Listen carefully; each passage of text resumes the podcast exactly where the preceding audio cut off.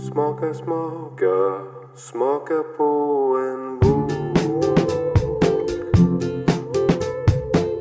Smaka, smaka, smaka på en bok.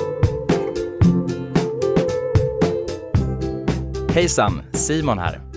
Välkommen till Boksmakarnas fredagsintervju. Jag har träffat författaren Dan T. Selberg som skrivit boken Mona. Vi pratar om kreativitet och dess olika skepnader och om att sälja filmrättigheter till Hollywood. Vi pratar också om BCI, Brain Computer Interface, som gör det möjligt att styra en dator med tankekraft. Varsågod, Dan T. Selberg.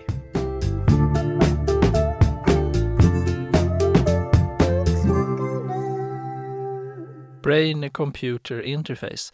Det handlar om att en dator kan tolka neurala kommandon och alltså läsa av en människas tankar. Eh, och också åt andra hållet, att en hjärna kan förstå digitala kommandon. Det handlar om att eh, ge människor som till exempel har olika handikapp möjlighet att kunna styra proteser med tankekraft. Eh, den tekniken har kommit väldigt, väldigt långt idag och idag kan människor med locked-in syndrom till exempel surfa på internet. Vilket är helt Och fantastiskt. locked in syndrome. Ja, man är alltså helt förlamad. Man ligger nästan i koma, men du är helt klar i huvudet. Du kan inte röra några kroppsdelar, kanske blinka med ögonen. Men du är helt klar i huvudet. Mm. Och att då kunna plötsligt börja kommunicera via e-mail och surfa på internet är ju fantastiskt. Mm. Eh, Och det är precis den forskningen som bokens huvudrollsinnehavare håller på med, Erik Söderqvist. Mm. När jag började skriva boken eh, kring det system som Erik uppfunnit som heter Mindsurf så var det en eh, vision. Men eh, sen har jag pratat med mycket människor som jobbar inom det här forskningsområdet. Och eh, bara för någon månad sedan så fick jag en länk skickad till mig på det första fullt utvecklade surfsystemet för människor som precis har locked-in syndrom, alltså ett mindsurf i verkligheten. Ja, det är så. Det finns på Det riktigt. gör det. Ja, nu gör det det. Är faktiskt fantastiskt, men det gör det. Ja. Eh, Jätte, jättenytt eller? Ja, det är väldigt nytt och väldigt rudimentärt. Det har inte kommit så långt som Erik har kommit, där du alltså får ett tredimensionellt internet eh, exponerat direkt mot synnerven. Men du kan idag eh, som en, en locked-in eh, patient kan idag surfa på internet och skriva e-mail. Det är häftigt. Ja, det är helt fantastiskt. Jag såg ett eh, klipp på en apa som, eh, lyckas styr, eller som styr en robotarm för att ge sig själv mat. Eh, Precis. och det är väl en tidig eh, variant. Det stämmer. Eh, Den här apan har lärt sig att hämta mat med en liten joystick. Mm. Och sen så stänger man av joysticken, men apan vet inte det. Så att den fortsätter att röra handen. Men egentligen så har ju systemet slagit över till att läsa de neurala kommandona från apan istället och fortsätter då hämta mat. Mm. Den, den eh, lilla episoden har jag faktiskt med i boken, precis den, om apan. Mm. Eh, Erik visar den här videon för lite elever på KTH. Vill du berätta lite om, eh, om boken? Eh, så gärna. Eh, boken eh, har eh, två huvudpersoner. Eh, och det eh, intressanta tror jag kanske, eller hoppas jag, är att läsaren mer och mer kommer upptäcka att trots att de här två personerna har helt olika liv, helt olika bakgrund på två diametralt olika platser i världen, så är de också väldigt, väldigt lika. Det är nästan så att de är själsbröder. Eh, och det, det är viktigt för eh, historien. Den ena personen heter Samir Mostaf. Han är en eh, libanesisk eh, IT-expert som har haft förmånen, hans familj flydde till Frankrike och sen fick han stipendium och fick möjlighet att studera i USA. Och där eh, doktorerade han på MIT eh, och hans specialistområde var datorvirus.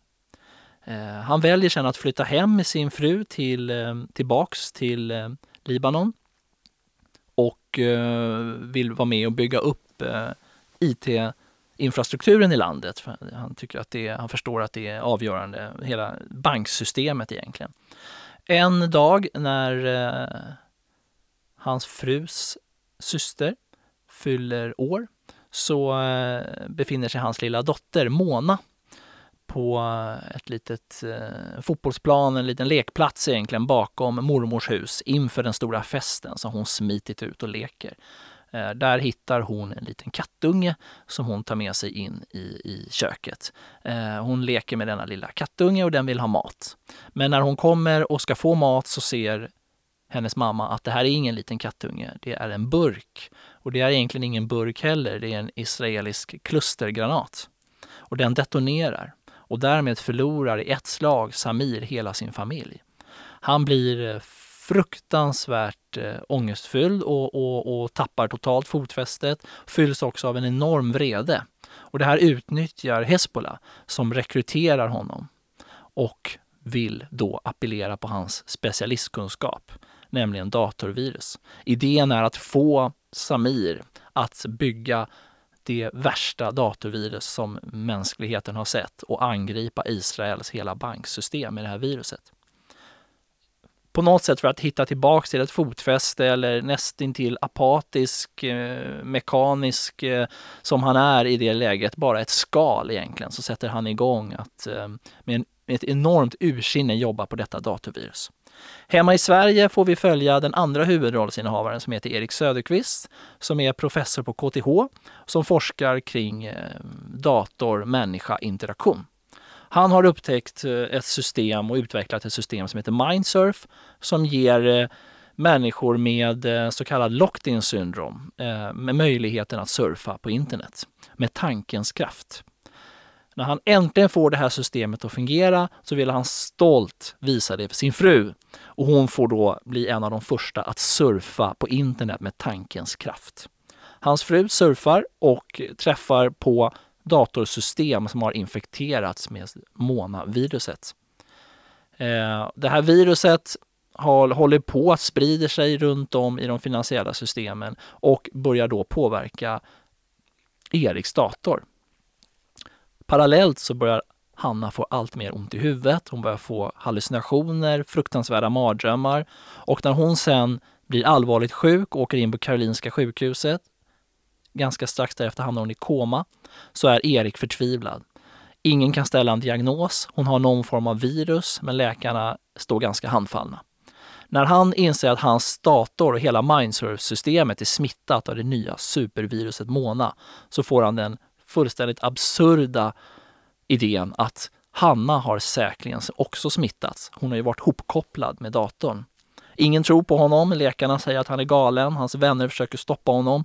Men i desperation för att rädda sin döende hustru sätter han sig på ett flygplan och ger sig ut i världen. Hans idé är att försöka hitta den här terroristen som har skapat datorviruset och förmå honom att ge honom ett antivirus så att han kan rädda sin fru.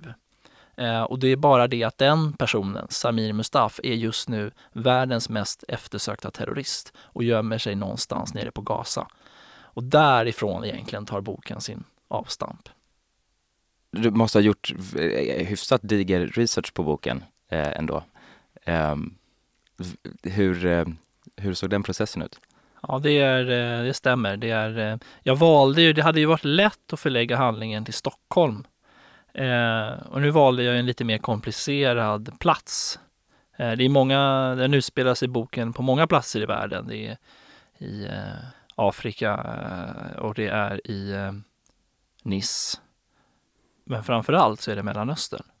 Och eh, konflikten i Mellanöstern mellan Israel och Palestina. Mm. Och det är klart att det kräver Eh, mycket research. För man ger sig inte in i den typen av diskussioner utan att eh, ha lite nej. koll. Det är väldigt, dels är det oerhört känsligt. Människor ägnar hela liv åt att försöka förklara den här mm. problematiken mm. och, och, kanske aldrig riktigt lyckas ändå. Eh, men men eh, jag ville gå ner på djupet på människorna på båda sidor. Och eh, det är också ganska mycket teknik i boken. Det är mycket kring underrättelsearbete, olika länders underrättelsearbete och eh, det är även en hel del politik. Och det här vill man att det ska bli trovärdigt. Mm. Re reste du någonting eh, för research också då? Ja, jag har eh, varit på, inte alla platser, men i varje fall nära alla platser i boken. Eh, så gott som alla platser har jag besökt. Och de jag inte har besökt, där har jag antingen nära bekanta som har varit där eller, eller eh, så har jag gjort en, får jag säga, mycket mycket gedigen research på de platserna. Och inte bara genom att liksom surfa på internet utan läsa väldigt mycket böcker, titta på reportage, filmer, sitta på bibliotek i många timmar. Så att, och försöka träffa människor som är från den regionen. För det spelar ingen roll hur mycket man läser i en bok, det är alltid annorlunda när man väl är där. Så att de platser jag inte har besökt, eh, de passagerna i boken har jag jobbat med människor som har varit mycket i den regionen av olika anledningar som har kunnat säga nej men så är det inte. Belysningen fungerar aldrig i den här delen av världen så du kan inte skriva att det är på det här sättet eller något sånt. Så det är viktigt att få Mm. de här detaljerna. Eh, med, med tanke på den, den research som har gjort för boken, eh, när tror du att eh, det här kommer kunna bli verklighet? När kommer jag att kunna eh, vara på jobbet och sätta på ugnen hemma bara genom att tänka på det? Jag tror att det kommer inte dröja jättelång tid. Google lägger enorma resurser på att förenkla och att, så att säga, du ska klä dig i, i, i din browser i stort sett. Eh, sökmotorn ska alltid finnas med dig. Google håller hela tiden på att försöka förfina sina algoritmer så att de lär känna vem du är och, och hur, hur, hur dina önskemål går nä- nästan redan innan du själv har kommit på det. Och med de nya eh, Google Glasses så kommer du ju ha glasögon på dig där du alltså har din browser med dig. Mm. De är, Apple lägger jättemycket kraft på sin Siri-teknologi då där du kan prata med telefonen. Eh, och eh, ja, med tanke på att de här neurala systemen redan finns så kanske ligger ett 20 år bort innan du kan tänka på att ugnen ska stängas av eller sättas på. Mm. Eh, på Bokmässan så, så fick du frågan eh, i en intervju med eh, DN om du skulle vilja prova Mindsurf själv, om det fanns nu. Eh, och du sa självklart ja.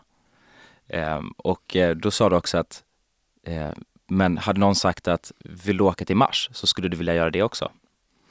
Och då har jag en jättehärlig koppling till en film som heter Total Recall. Har du sett den? Det var länge sedan. Ja, det, men det, är, det är en sån där bra, bra Mm. dålig film. Mm. Ehm, och eh, han reser ju till Mars, fast inte på riktigt, utan eh, genom ett, vad ska man säga, en artificiell resa. Eh, och det här skulle också kunna vara någonting då, eh, med den tekniken. Att man kan resa till platser som man inte har besökt, eh, fast utan att faktiskt åka dit.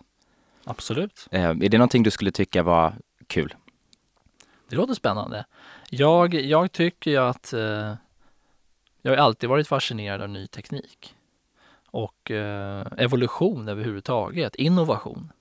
Och eh, så att eh, jag är nog, eh, jag är definitivt en early adapter. Jag, jag tycker det verkar spännande och, och sen kommer det, man kan börja se en rad eh, problem kring detta och det är väl det där författaren kommer in i bilden. Jag tycker att det och det kan man vi, det kan jag ju säga generellt sett att jag ser bok, romanidéer hela tiden. När jag läser Dagens Nyheter eller tin, någon, ja, tittar på tv eller bara sitter och pratar med goda vänner så tycker jag att det hela tiden dyker upp potentiella romaner och de är väldigt ofta precis det här att det är vardagliga saker eh, som man kan bända på något sätt lite intressant och, och kanske hitta någon liten spännande twist på den där. Ja, de kommer hela tiden och jag, även när du pratar om det här så är det klart att det dyker upp eh, idéer kring det. Det kanske får bli en framtida mindsurf-utveckling.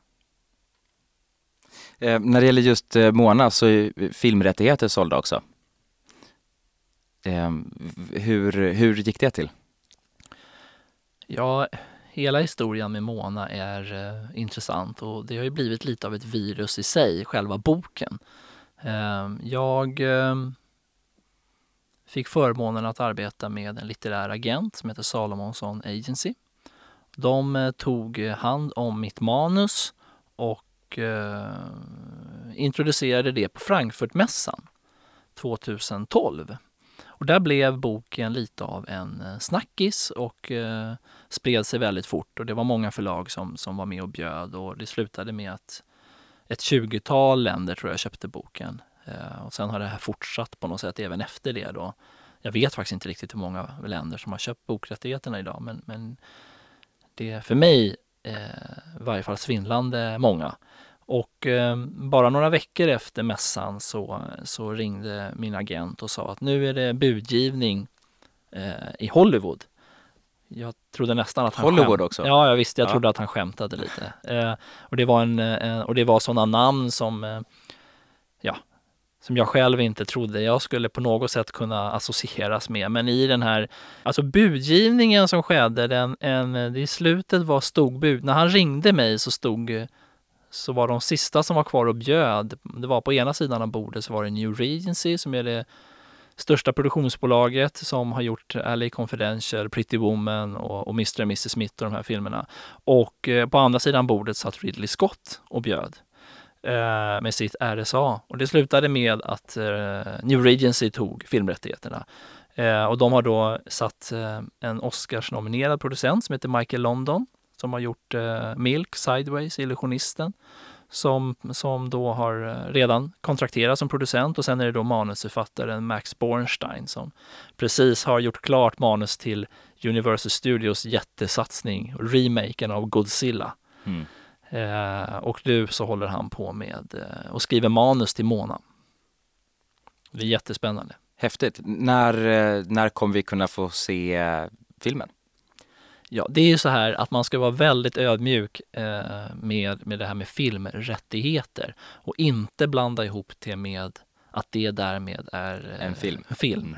Så att, eh, men, men det, så det som händer nu det är att det jobbas intensivt, ett helt team på New Regency. Fördelen är att New Regency har en väldigt bra ratio, som man säger. Alltså de har en bra, det blir ganska, många av deras filmrättigheter blir film. Eh, jag fick höra att de har en på fyra, vilket åtminstone då det är 25 procent. Eh, och de har satt av ett helt team som jobbar med det här och eh, jag får en ström av mejl och, och telefonkonferensinbjudningar och annat. Och arbetet går framåt. Vi är redan på den andra versionen av manuset och kommer nog börja titta efter regissör och annat ganska snart. Så det känns som att än so far so good. Men eh, stor eh, respekt för att eh, ingenting är klart förrän det är klart. Då. Du tar inte riktigt ut det i förskott? Nej, det vågar jag inte göra. Gör man inte det lite ändå? Jag, personligen tycker jag alltid att, jag intalar mig själv att eh, nej men det är inte alls säkert att det blir av och, och sen när det inte blir det så blir jag ändå jättebesviken för att jag har någonstans ändå, Självklart är det, men jag måste säga att hela, att när jag satt och skrev den här boken i Sörmland så var min tanke att jag skulle kopiera upp den till mina närmsta vänner. Och eh, så skulle de få mm, läsa den och eh, that's it. Jag hade inte någon tanke på att den skulle bli utgiven överhuvudtaget. Och idag när boken kommer ut eh, över hela världen så redan det är någonting häpnadsväckande och att det dessutom skulle bli en Hollywoodfilm av det hela. Det, men det är klart att det vore roligt, det vore otroligt roligt. Eh, En god vän till mig sa bara häromdagen att man ska alltid ta ut segern i förskott. Mm. För antingen så får man ju fira två gånger eller också har man i varje fall firat en gång. Så att, eh, eh, ja, ja nej, men det, det är en härlig inställning, jag gillar det. Eh, bättre fira en gång än ingen gång. exakt. Ja. Mm. Så att, eh, men än så länge har jag inte firat filmen. Um, hade du kunnat drömma om en eh, Hollywood, okej, nu ska vi vara försiktiga då, men ehm, filmrättigheter i Hollywood för ett manus du har skrivit? Nej. Och jag är verkligen filmfantast. Så att eh, det, är- det är oerhört spännande att bara få inblick i den här världen och hur det fungerar och, och prata med dessa människor. Och, men, men jag hade aldrig kunnat drömma om det, nej. Men, och hur involverad är du i eh, det här nu? Jag är eh, consulting producer, heter det. Vad det nu innebär. Mm. Men eh, det, jag får manuserna och jag sitter i telefonkonferenser med manusförfattaren. Vi har haft jättespännande diskussioner om olika scener i boken och i filmen. Han har synpunkter på boken och jag har synpunkter på manuset. Eh, så att än så länge så känner jag mig involverad. Ska man tro manuset så blir det en stor film. De har byggt ut eh, actionelementen och effekterna ganska ordentligt, vilket är spännande. De är duktiga på detta. Eh, och pratar ni rollbesättning någonting? Är det, det är lite tidigt? Det är för tidigt. Jag tänkte annars, eh, jag skulle kunna tänka mig någon, det behöver inte vara något extraordinärt, men en liten roll, säg jag kan vara Mohammed eller, eh, eller Mohammad, förlåt, och, eh, eller Jens kanske. Absolut, jag kan inte lova någonting. Men jag ska Ehm, ta med mig det. Ja, vad bra. Ja. Härligt. Ehm, ehm, när vi har pratat om, om hjärnan och data och så här, känns som att kopplingen är ganska nära till e- egna minnen. Och vad är ditt, ditt första eh, starka, ditt första riktigt starka barndomsminne?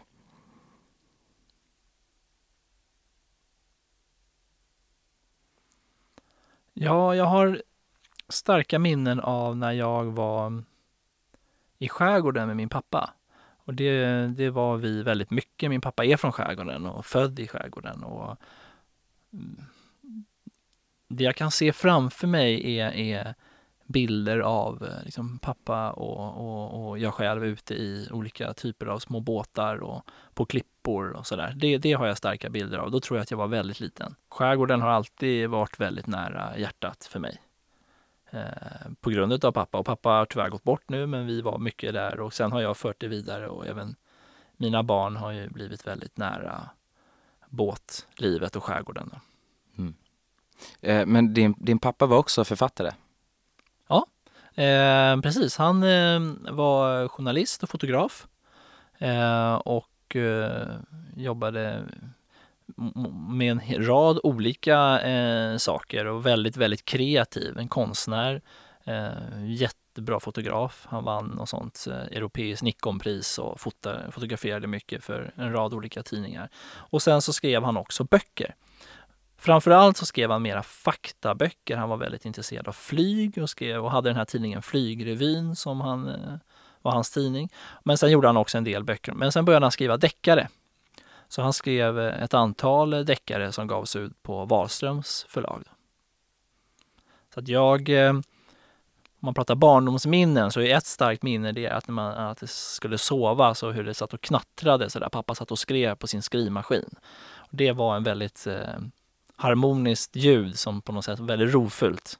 Jag kunde sitta uppe hela nätten och knattra på maskinen. Och det, Okej. Så när du, eh, när du ska gå och lägga dig och vill finna lite ro så kan du sätta på en DVD med lite skrivmaskins exakt, knapptryckningsljud. exakt, precis. Mm. Då somnar jag. Eller bara lyssna i mobilen. Mm. Det finns säkert en massa skrivmaskinsknappljud som man kan. Faktum är att jag har jobbat som ett av mina märkliga jobb i ungdomen var just att vara ljudeffektsinspelare. Så att jag jobbade för någonting som heter Digifacts som är ett stort sånt här digitalt ljudeffektsarkiv och gjorde, bland annat fick jag förmånen som väldigt ung att resa till Berlin, New York, Milano, Paris och fånga ljudet av, av dessa städer. Vilket Hmm. var väldigt kul. Så man hade en sån här digital bandspelare. Och sen Hur så... bestämmer man vad som är ljudet av staden? Ja, det är en jättebra fråga. Men det blir ju det som försöker särskilja en stad. Eh, Det här kommer utav att till exempel amerikanska filmstudios gärna slipper åka till Paris för att spela in en scen i Paris. Och då måste ambulansen låta rätt. Spårvagnar ska låta rätt. eh, Barsål, eh, trafiksål. Det är eh, lokalt. Och då måste man, någon måste fånga detta. Vad lustigt. Och plötsligt får jag känslan av att det mesta jag ser på film är, är, är konstlat. Det, så är det. Så när jag, det är en, en, en fransk bar eh, i en film och folk runt omkring röker och pratar franska. Eh, så är det inte ens folk som är där och pratar franska. Sannolikt eh, inte. Det blir mycket billigare och enklare så om man har mycket mera möjligheter i en studio. Var det också såna här härliga eh, stå och skaka plåtar för att få låta som att det är Oscar? Ja, det, vi höll på med det också. Vi hade något som heter Powerpack som var mer effektskivor. Och där fick man hela tiden försöka hitta. Och det blev ju någon sorts förändring i filmindustrin där man gick från att en bildörr inte längre lät som en bildörr utan mer som en hangardörr som slår igen och allting blir väldigt vässat och varandra. ljuden blir en mera en väldigt väsentlig del av filmen. Och man kan se den här förändringen i filmen när ljuden börjar få en, få en större, en viktigare ställning och då behövdes också en annan typ av ljudeffekter. Mm. Vad, vad gjorde du mer under din uppväxt när du var ung? Ja, det drivande var att jag var musiker. Eh, jag spelade i väldigt mycket, höll på med musik, hade en musikstudio, jobbade extra som pianolärare och eh, spelade keyboard och skrev musik. Dels skrev jag musik till, till reklamfilmer och såna här företagsfilmer och sånt, hade ett litet företag. Och sen så turnerade jag med ett band som hette Nova. Vi gjorde en skiva och eh, spelade runt i, i framförallt Sverige på festivaler och annat. Då. Ha. Är det någonting du gör idag också? Alldeles för lite. Jag, jag eh, repade faktiskt med eh, några vänner här bara för någon månad sedan, vilket var väldigt kul. Men, men generellt sett så tyvärr har jag tappat det. Jag sitter med min dotter, min yngsta dotter som spelar gitarr och, och, och lite piano och sjunger. Så vi håller på att jobba lite med det. Så det finns kvar, men det är lite för liten del av livet just nu. Eh, Men Nova finns inte kvar. Nova finns inte kvar. Nova är upplöst. Det Det blir ingen, eh, ingen comeback där. Jag tror inte det. Jag tror inte det. Nej, men eh, nej, jag tror inte det. Men däremot så var jag uppe faktiskt en, en fest här för, för, i somras där jag blev inbjuden att spela med, med det här bandet. Så spelade vi Hold the Line för, för han som hade festen, här Toto-cover. Det var jättekul. Så man, det känns att det där är en rolig grej. Musik är ju fantastiskt, det är väldigt Mm. roligt.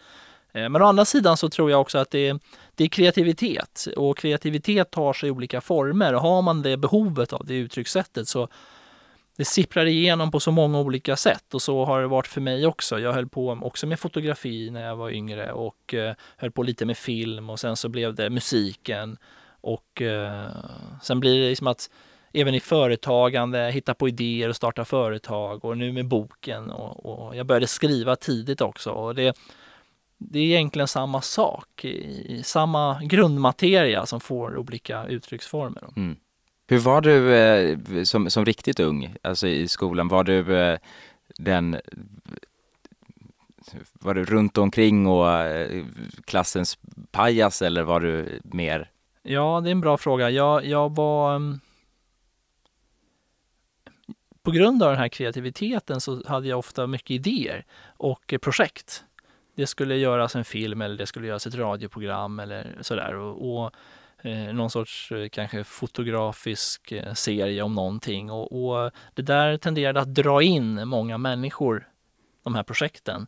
Så att det känns som att jag var, det var ganska ofta som jag höll på med något projekt som väldigt många var involverade i från väldigt unga år. Mm.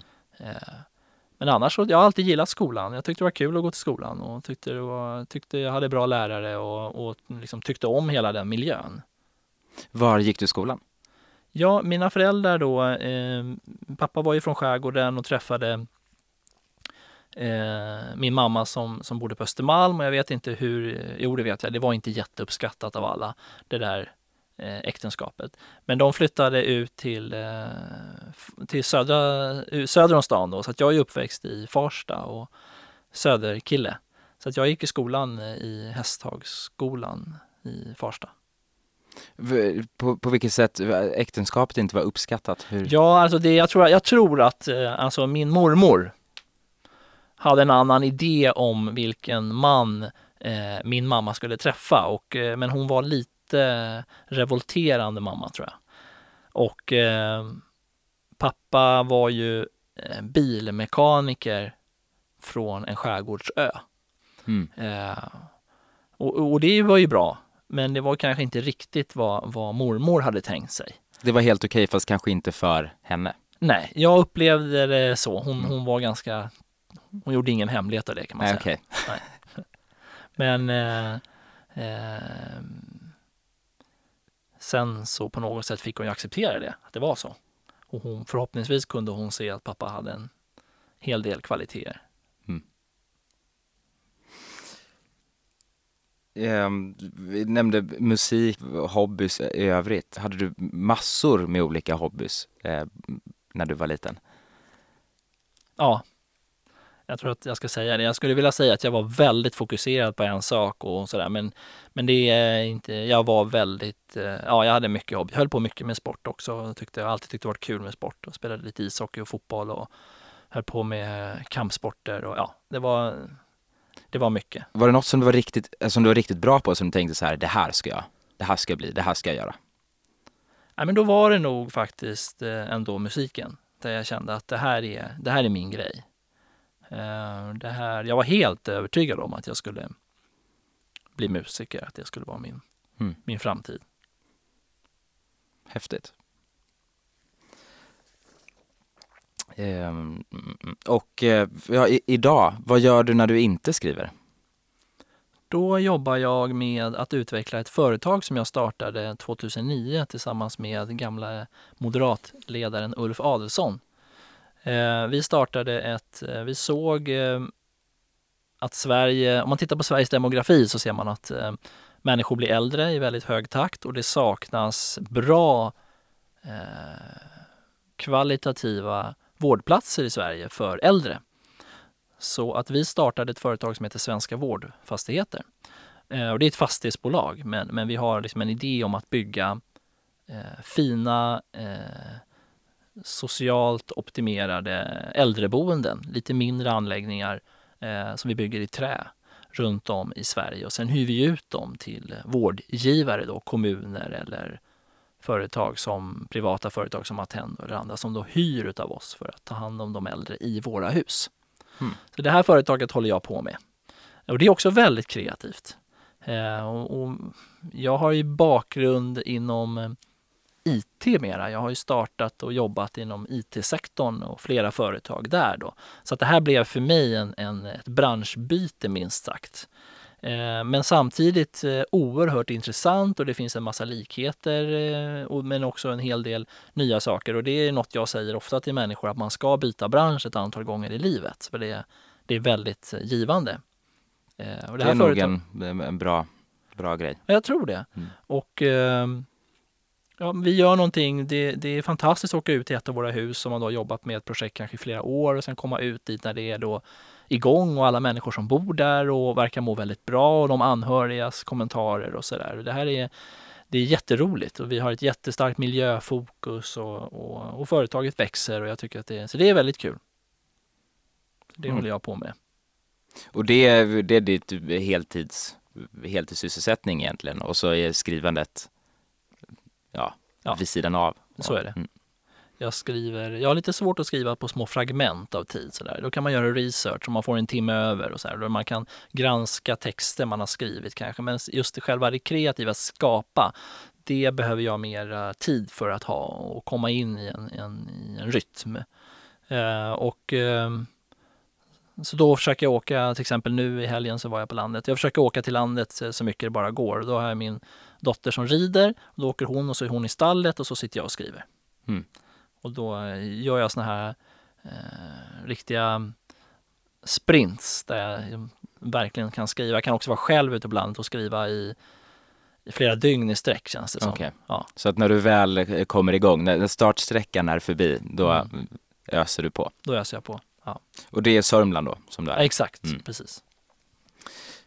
Ehm, tänker du nu efter Mona att du ska ta dig mer tid till skrivandet efter den? Det måste ju ändå vara en, en boost att ja, komma dit du har kommit med Mona nu.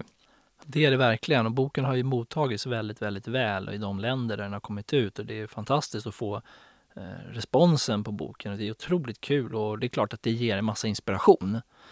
Svaret är ja, jag vill definitivt satsa mer på skrivandet och försöka avsätta mer tid än jag gjort tidigare.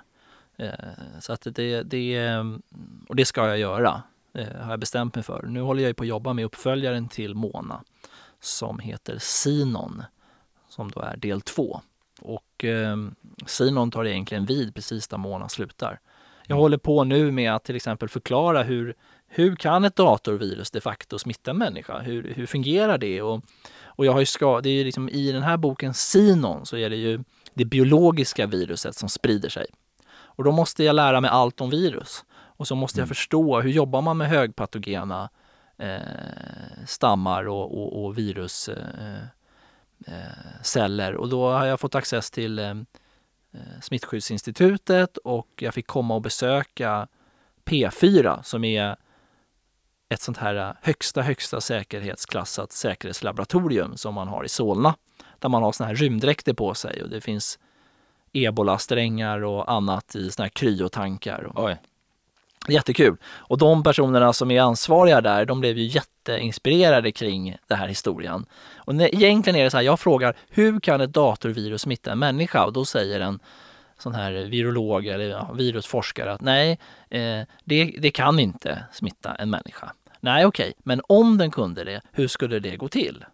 Och Mm. då skrapar man på den här forskningsnerven och så sätt, liksom på något sätt sätter kreativiteten igång och, och, och då blir det jätteroliga diskussioner. Men skulle det vara möjligt? Har, har, har någon sagt så här, har, har det öppnats dörren för att okej, det, det är hypotetiskt om, alltså går det? Är det, är det möjligt?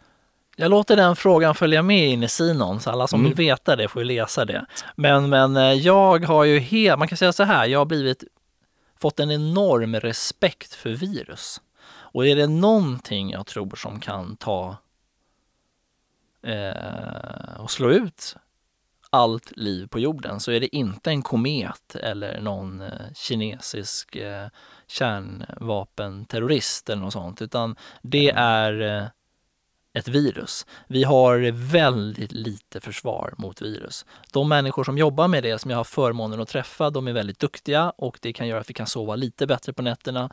Men, men eh, spanska sjukan tog eh, 100 miljoner människor på två år och det var i en tid när ingen reste.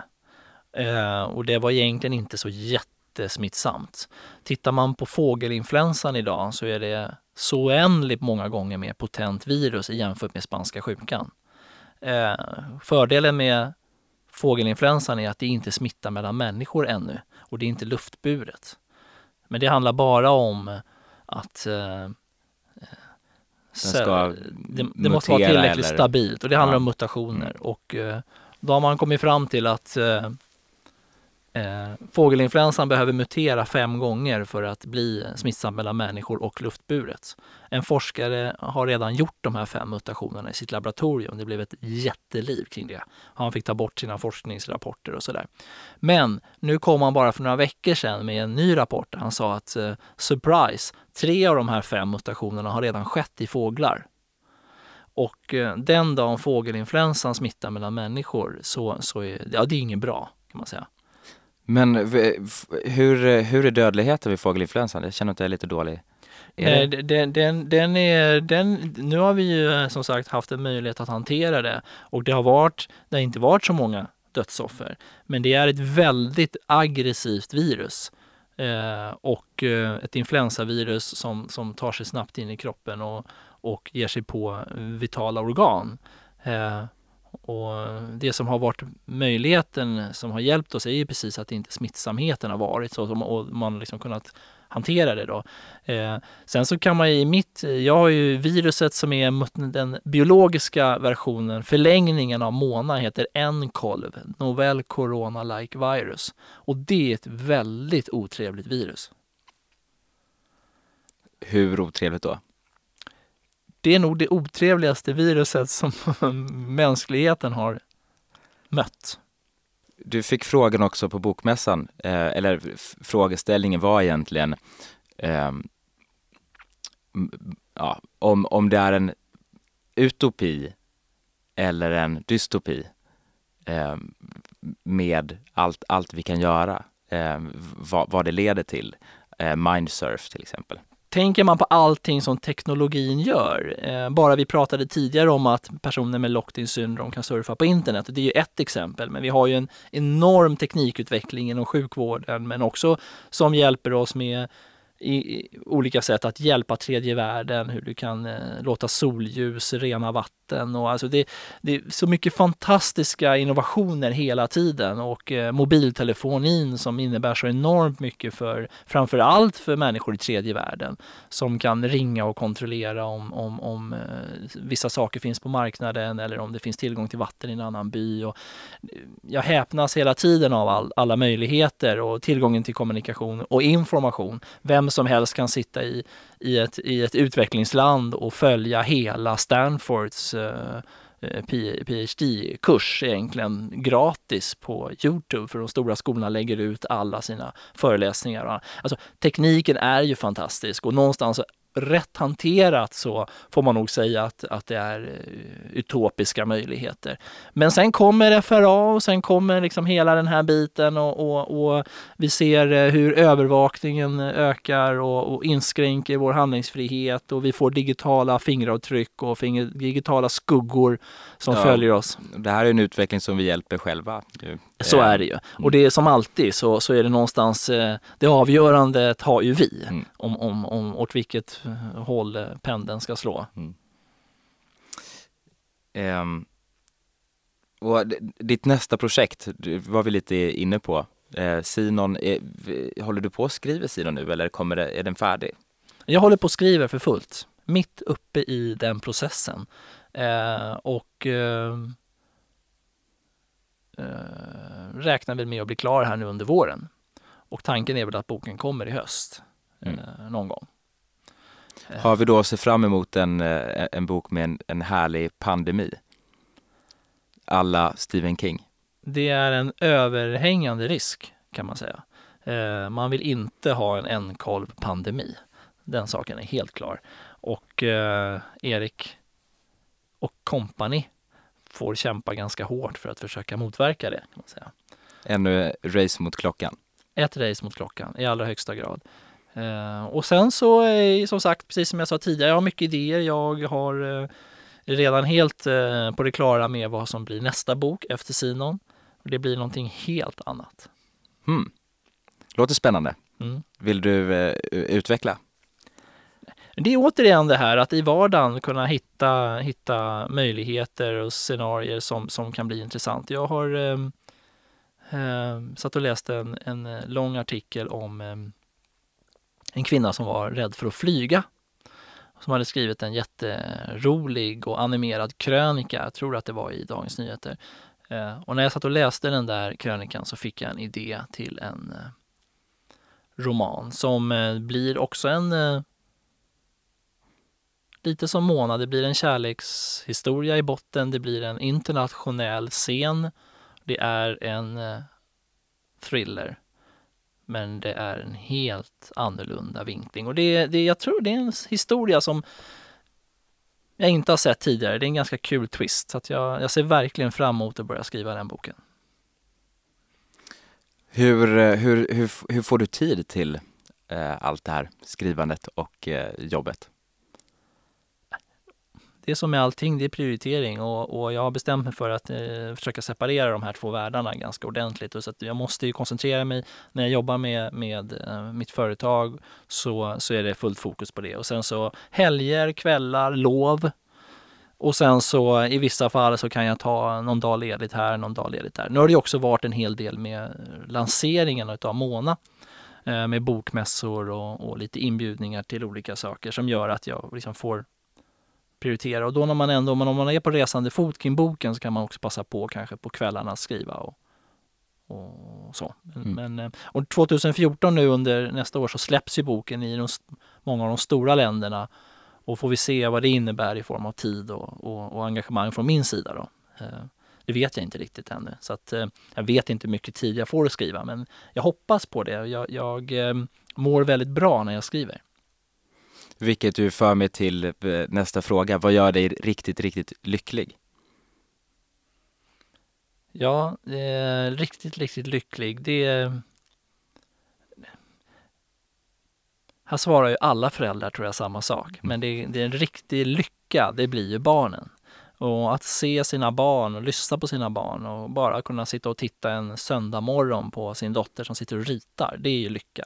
Se när hon rider eller när hon upptäcker någonting eller lyckas med något svårt. Det kan vara ett mattetal som hon lyckas med, så kan det vara en lycka. Man har hållit på att traggla och vrida och vända på under lång tid. Eh, så det är fantastiskt eh, tycker jag med barnen. Sen så, eh, och vi har en liten hund och det är kul att se när de leker tillsammans. Och, och, så så det, liksom, det är familjen. Den riktigt, riktigt äkta lyckan finns ju kopplad till familjen och, och, och liksom den världen och det som händer i samspelet inom familjen. Eh, sen finns det en annan typ av, av, av lycka och det är precis att kunna sitta, komma till landet, bara jag och våran cocker eh, och veta att jag har kanske två dagar då jag bara, bara ska få skriva och jobba med, med ett bokprojekt. Det är, det är en lycka i sig. Eh, ja, så att det är bara både det solitära eh, och så att säga och, och Mm. samvaron så finns lycka och det är lite två olika typer utav lycka.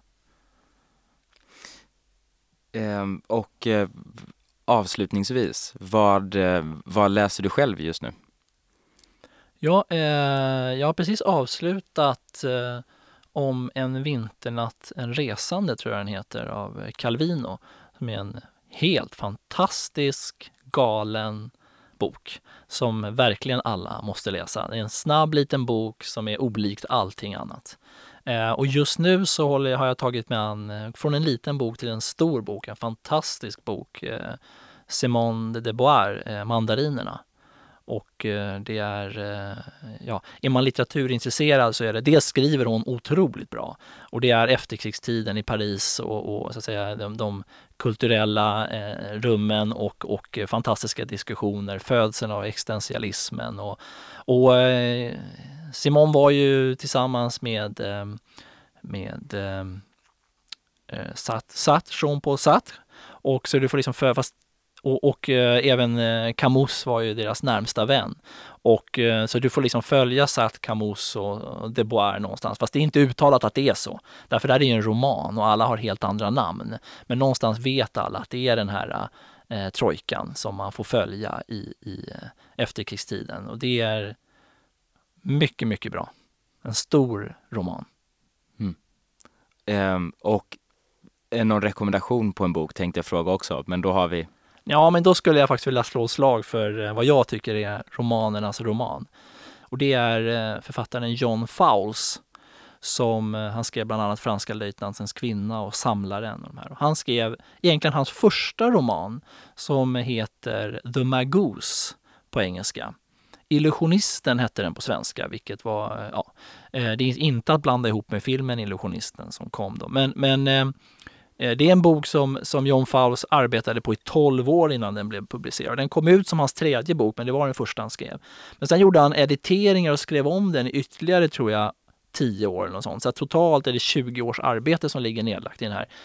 Fantastisk triangeldrama som utspelar sig på en liten grekisk ö där, där en, en engelska ung man från Oxford flyttar till den här engelska ön egentligen för att komma kanske ifrån sin fästmö och, och, och fundera över sitt liv och dras in i ett eh, psykologiskt eh, thrillerliknande spel av en eh, excentrisk miljardär på den här ön. Det är en eh, otroligt bra eh, bok.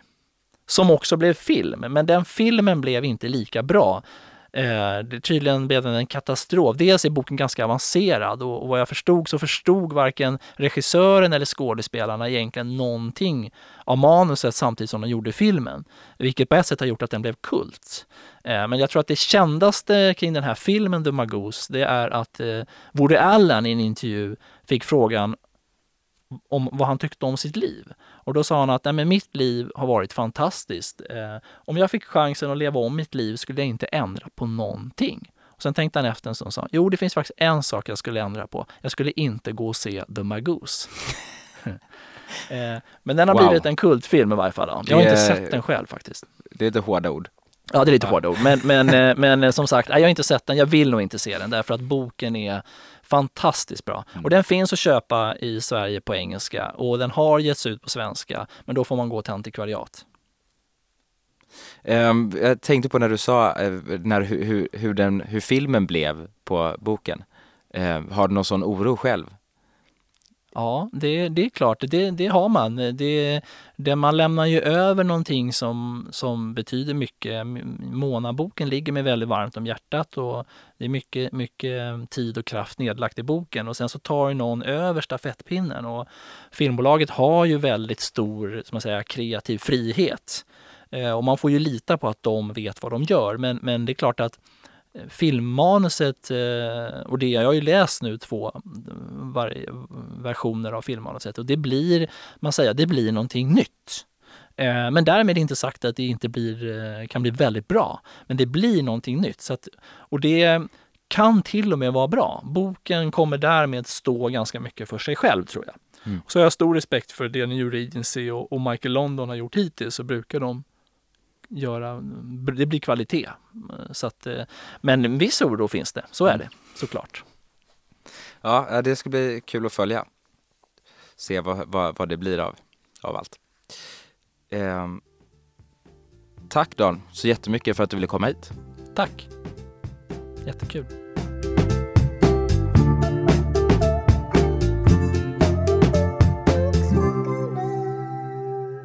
Du har lyssnat på fredagsintervjun med Dan T Selberg, författare till boken Mona. Boksmakarna finns också på Twitter, Facebook och Instagram. Besök oss gärna där. Tack för att du lyssnade.